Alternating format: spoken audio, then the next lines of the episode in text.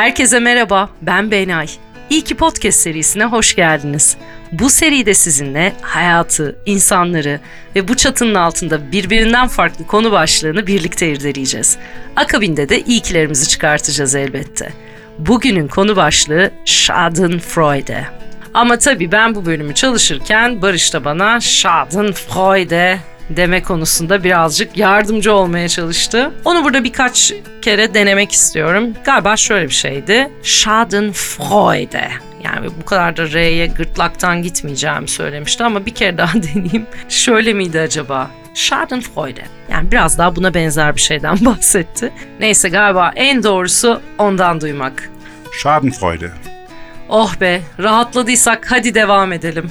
Evet, nedir bu Schadenfreude? Yani gerçekten insanlar başkalarının acılarından mutluluk mu duyuyor?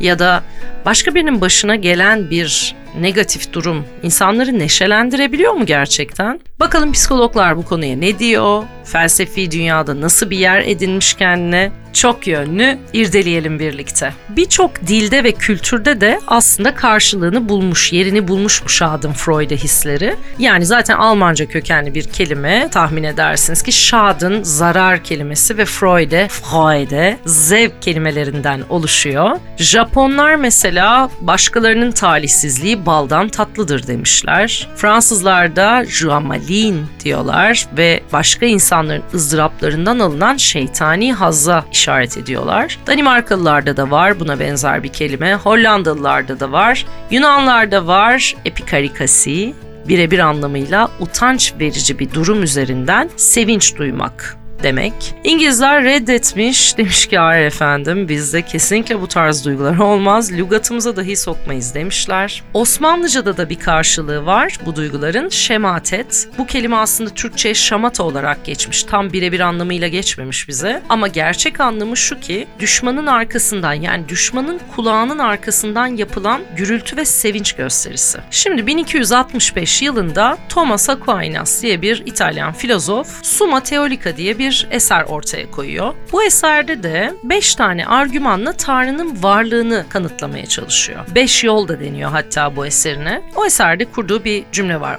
Diyor ki göklerin krallığındaki mukaddes ruhlar melunların cezalarına tanık olacaklar ki saadetleri misliyle artsın. Ve yıl 1265 dediğim gibi.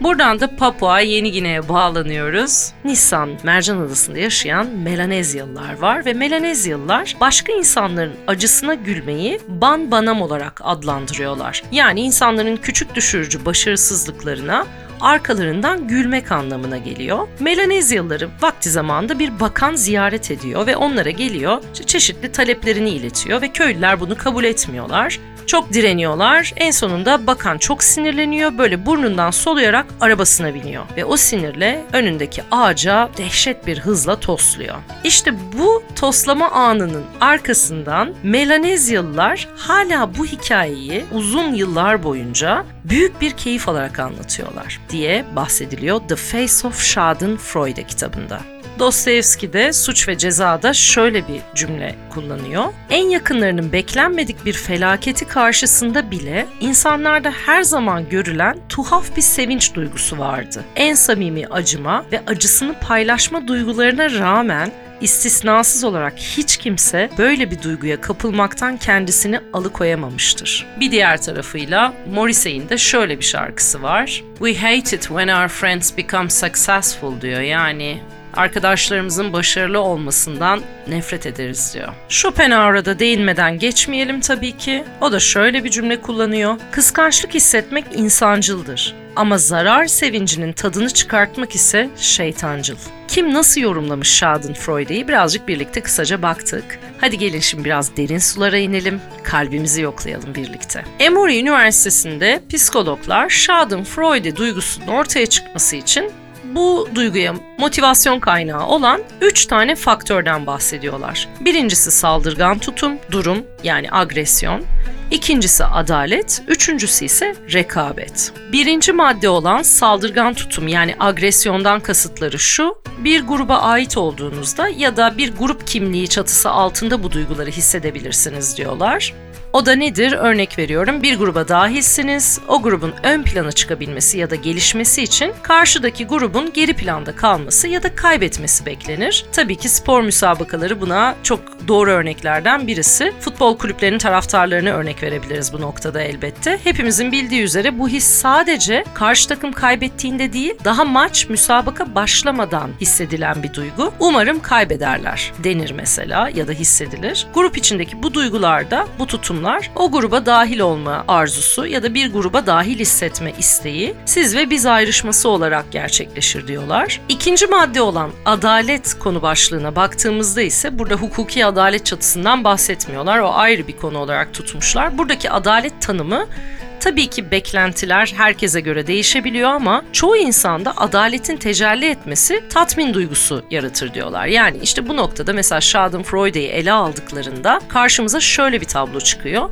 içten içe sevilmeyen bir kişinin en ufak tökezlemesi ya da hayatında herhangi bir kayıp yaşaması, Schadenfreude duygusuna sahip olan kişinin bu olumsuzluklardan mutlu olmasına yol açar diyorlar. Bu durum bazen o kadar ciddi bir hale gelebilir ki bu olumsuzlukların hepsini hak etmişti. Hak ettiği zaten buydu seviyesinde hislerin oluşmasına neden olur. Yaşanan kötü olaylardan sonra beklenti içinde olan kişi kendi adalet terazisinde adaletin gerçekleştiği hissine kapılır ve bu durumdan mutluluk çıkartır ve tatmin olur diyorlar. Üçüncü konu başlığı ise rekabet. Rekabet burada altını çizmek istiyorum. Geliştirici amaçlar taşıdığı sürece bulunduğu duruma kalite katan bir durumdur aslında diyorlar ve rekabet oluşmaya başladıktan sonra ise içinde Schadenfreude hissi taşıyan bireyler karşı tarafın kaybetmesine odaklanıyorlar. Bu çaba karşı taraf kaybedince de gizli bir sevinç olarak ortaya çıkıyor. Nedir örnek? İşte okulda kendinize rakip seçtiğiniz kişinin sizden düşük not almasına içe içe sevinmeniz buna bir örnektir diyorlar. Veya iş hayatında rekabet içinde olduğunuz kişinin işine son verilmesi sonucu içinizde oluşan o mutluluk hissi işte Schadenfreude'dir diyorlar. Psikologlar böyle naif naif işlemişler tabii ki. Hayatın işleyişinde ise nasıl akıyor bu durum biraz da ona bakalım birlikte. Bir kere iyi ki benim başıma gelmedi demek başka. Arkadaşlar tahmin edersiniz ki iyi ki onun başına geldi demek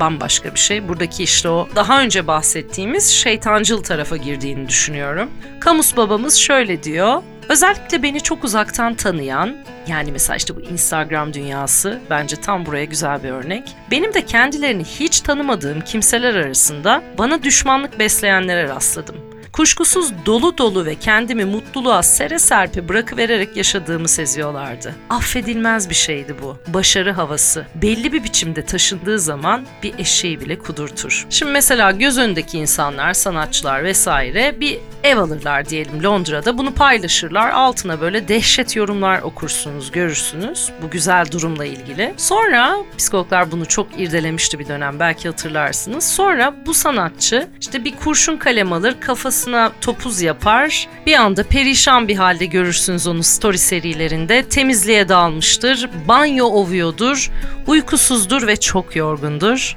Burada aslında bir önceki paylaşımla hayatı dengeledikleri bir nokta vardır takipçileri açısından. Çünkü bir önceki noktada takipçilerine erişilmez gelen o alınan ev mevzusunu ben de sizdenim seviyesine çekmek için yaparlar bunu der psikologlar. Ve özetle Londra'daki ev mevzusu ile ilgili aynı çatı altında buluşamadıkları takipçileriyle temizlik çatısı altında bir güzel buluşu verirler. Peki neden? Çünkü sosyal karşılaştırma teorisi girer burada devreye. Sosyal karşılaştırma teorisi 1954 yılında Leon Festinger tarafından geliştiriliyor ve 3 aşamada değerlendiriyor bu durumu. Birinci sekmesi şu, insanlarda kendi fikir ve yeteneklerini değerlendirme güdüsü vardır diyor. Ve insanlar fikirlerinin doğruluğuna ve herhangi bir konuda ne kadar yetenekli olduklarına dair kesin ve güvenli bir yargıya ulaşma ihtiyacı içindedirler diyor. Ve bu yargıya ulaşmak için de aslında izlenecek birçok yol olabilir. Örnek veriyorum bir yetenekse diyelim bir yeterlilik sınavına tabi tutabilirler kendilerini. Fikirlerinin doğruluğuyla ilgili fikirlerini fikirlerine saygı duydukları kişileri takip edebilirler, okuyabilirler, araştırabilirler, duayenlere danışabilirler gibi birçok aşama burada aslında bu doğruluğu, bu yargıya ulaşmalarını sağlayabilir. Ama tabii ki burada da kalmıyor bu durum. İşin içine ikinci sekme olan karşılaştırma kısmı giriyor. İşte Schadenfreude'nin de devreye girebileceği nokta burası aslında. Sosyal olmayan değerlendirme zemininin yokluğunda diyor Festinger, bireyler kendi fikir ve yeteneklerini başkalarının fikir ve yetenekleri yani performansları ile karşılaştırırlar. Ve işte bu karşılaştırma aşamasında da kendimizi anlamaya çalışmak için özetle kendimizle benzer gördüğümüz başkalarıyla kendimizi ilişkilendiriyoruz. Buraya sadece Schadenfreude değil, gıpta, imrenme, feyz almak gibi insan doğasının içindeki diğer duygular da dahil oluyor. Mesela şöyle bir örnek veriyor Festinger bu aşamada. Diyor ki iyi bir yüzücüsünüz ama gidip kendinizi dünya yüzme şampiyonuyla kıyaslamazsınız. Kıyaslasanız bile diyor benlik kavramınızın bu kıyaslama bilgisinden etkileneceği anlamına gelmez zaten diyor. Çünkü tam tersine belirli özellikler açısından benzer olanlarla yapılan kıyaslamaların benlik bilgisi anlamında çok daha fazla etkisi vardır diyor. İşte bu yüzden çok yakın arkadaşlar çoğu zaman kıyaslama için en iyi kaynak haline gelirler diyor. Çünkü hem pek çok özellik açısından benzerlik taşırsınız hem de kıyaslama yapmak için hep oradadırlar. Ve şöyle bir soruyla devam ediyor. Peki yakın arkadaşınızın ikinizin de yetenekli olduğu konu ya da alanda sizden daha iyi performans gösterdiğini öğrendiğinizde ne tepki verirsiniz? İşte buradaki cevaplardan bir tanesi Schadenfreude duygusuna girebiliyor. Bir de şu açıdan değerlendiriyor. Diyor ki eğer söz konusu yetenek sizin benliğinizi kuran önemli özelliklerden biri ise eğer arkadaşınızın sizden daha iyi performans göstermesi sizin kendinize olan güveninizi tehdit edecektir. Bu tepki sizden daha iyi performans göstermiş bir yabancıya vereceğiniz tepkiden daha olumsuz olacaktır diyor.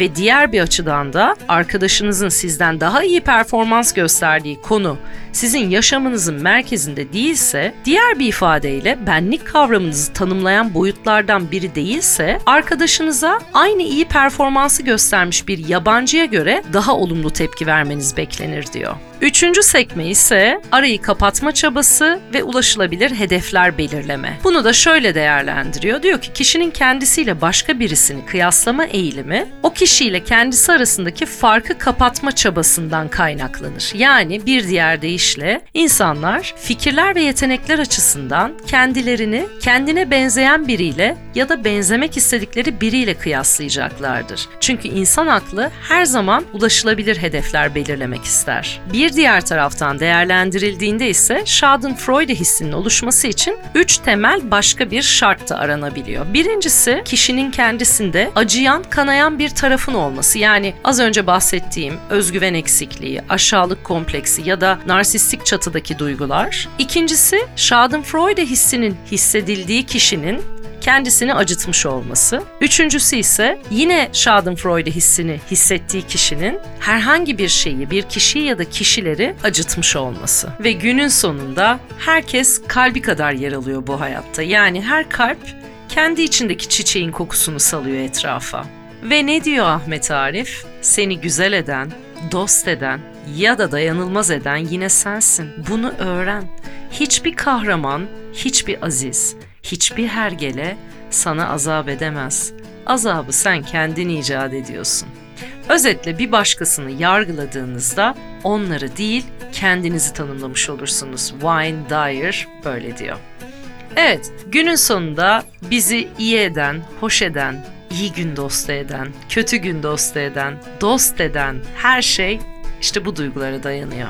Buradan bence şuraya bağlayalım. Kötü gün dostları elbette çok kıymetlidir. Zaten bu arada dost dediğin iyi kötü gün ayırmadan her zaman yanımızdadırlar. Tıpkı ailelerimiz gibi. Ama genel çatıda iyi günümüzde etrafımızdaki insanların nasıl davrandıkları gerçekten çok kıymetli, çok değerli bir noktadır bana sorarsanız. Başarılarınıza gülen gözleriyle kadeh kaldırabilen, siz dinlendiğinizde kendi perişan bir halde olsa bile sizin adınıza sevinen, uzun süredir yalnız olsa dahi mutlu ilişkiler gördüğünde neden bende yok enerjisi yerine bende de olacak doğru zamanda diyebilen, seyahatlerinizdeki deneyimlerinizi dinlemekten keyif alan, her yaptığınızı yargılamak yerine size gerçekten değer veren ve sizi tanımaya çalışan, arkanızdan söylediği her şeyi, hadi her şeyi demeyelim, %90'ını yüzünüze de söyleme cesareti gösterebilen, en önemlisi de kendisiyle meşgul, kendisiyle dolu, kendi içinde kalabalık insanlarla çevreleyin hayatınızı. Buradan da bize birazcık Schopenhauer eşlik etsin. Diyor ki, insanın gönül rahatlığı için hatta varoluşunun bütün biçimi için görünüşe göre asıl önemli olan içinde neyin bulunduğu veya neler olup bittiğidir. Çünkü öncelikle insanın duygularının, arzularının ve düşüncelerinin bir sonucu olan iç huzuru veya huzursuzluğu buna bağlıdır. Dışarıda bulunan her şeyin bunun üzerinde etkisi sadece dolaylıdır. Bu yüzden aynı dışsal süreçler veya ilişkiler herkesi çok farklı etkiler ve aynı ortamda bile herkes kendi dünyasını yaşar. Mesela yaratıcı bir kafada öylesine ilginç görünen bir olay, sığ gündelik bir kafa tarafından kavrandığında yine gündelik dünyadan alınmış yavan bir sahne olacaktır. Mesela melankolin bir trajedi sahnesi gördüğü yerde kanı kaynayan biri ilginç bir çatışmayı, ağır kanlı biri ise önemsiz bir şeyi algılayabilir. Herkes kendi bedeninin içinde olduğu gibi kendi bilincinin içinde barınır ve dolaysız olarak sadece bu bilincin içinde yaşar. Bu yüzden insana dışarıdan yardım etmek pek kolay değildir. Kişinin kendisi için ne olduğu, ona yalnızlığında eşlik eden ve ona kimsenin veremeyeceği ve ondan kimsenin alamayacağı tek şeydir. Ve en üstün, en çeşitli ve en kalıcı zevkler zihinseldir. Sokrates mesela satışa sunulmuş lüks malları gördüğünde şöyle demiş. İhtiyacım olmayan ne çok şey varmış. Buradan minimalizme bağlamayacağım, biraz daha Schopenhauer'la devam etmek istiyorum. Diyor ki, kişisel özelliklere yönelik kıskançlık en uzlaşmasız olanı olduğu gibi en itinalı saklanan kıskançlık biçimidir. Çünkü en ulaşılmaz olan özelliğiniz mizacınızdır. Hadi gelin bu bölümün ilkilerine geçelim sizinle. Uzun bir masa kuralım. Oturdunuz mu?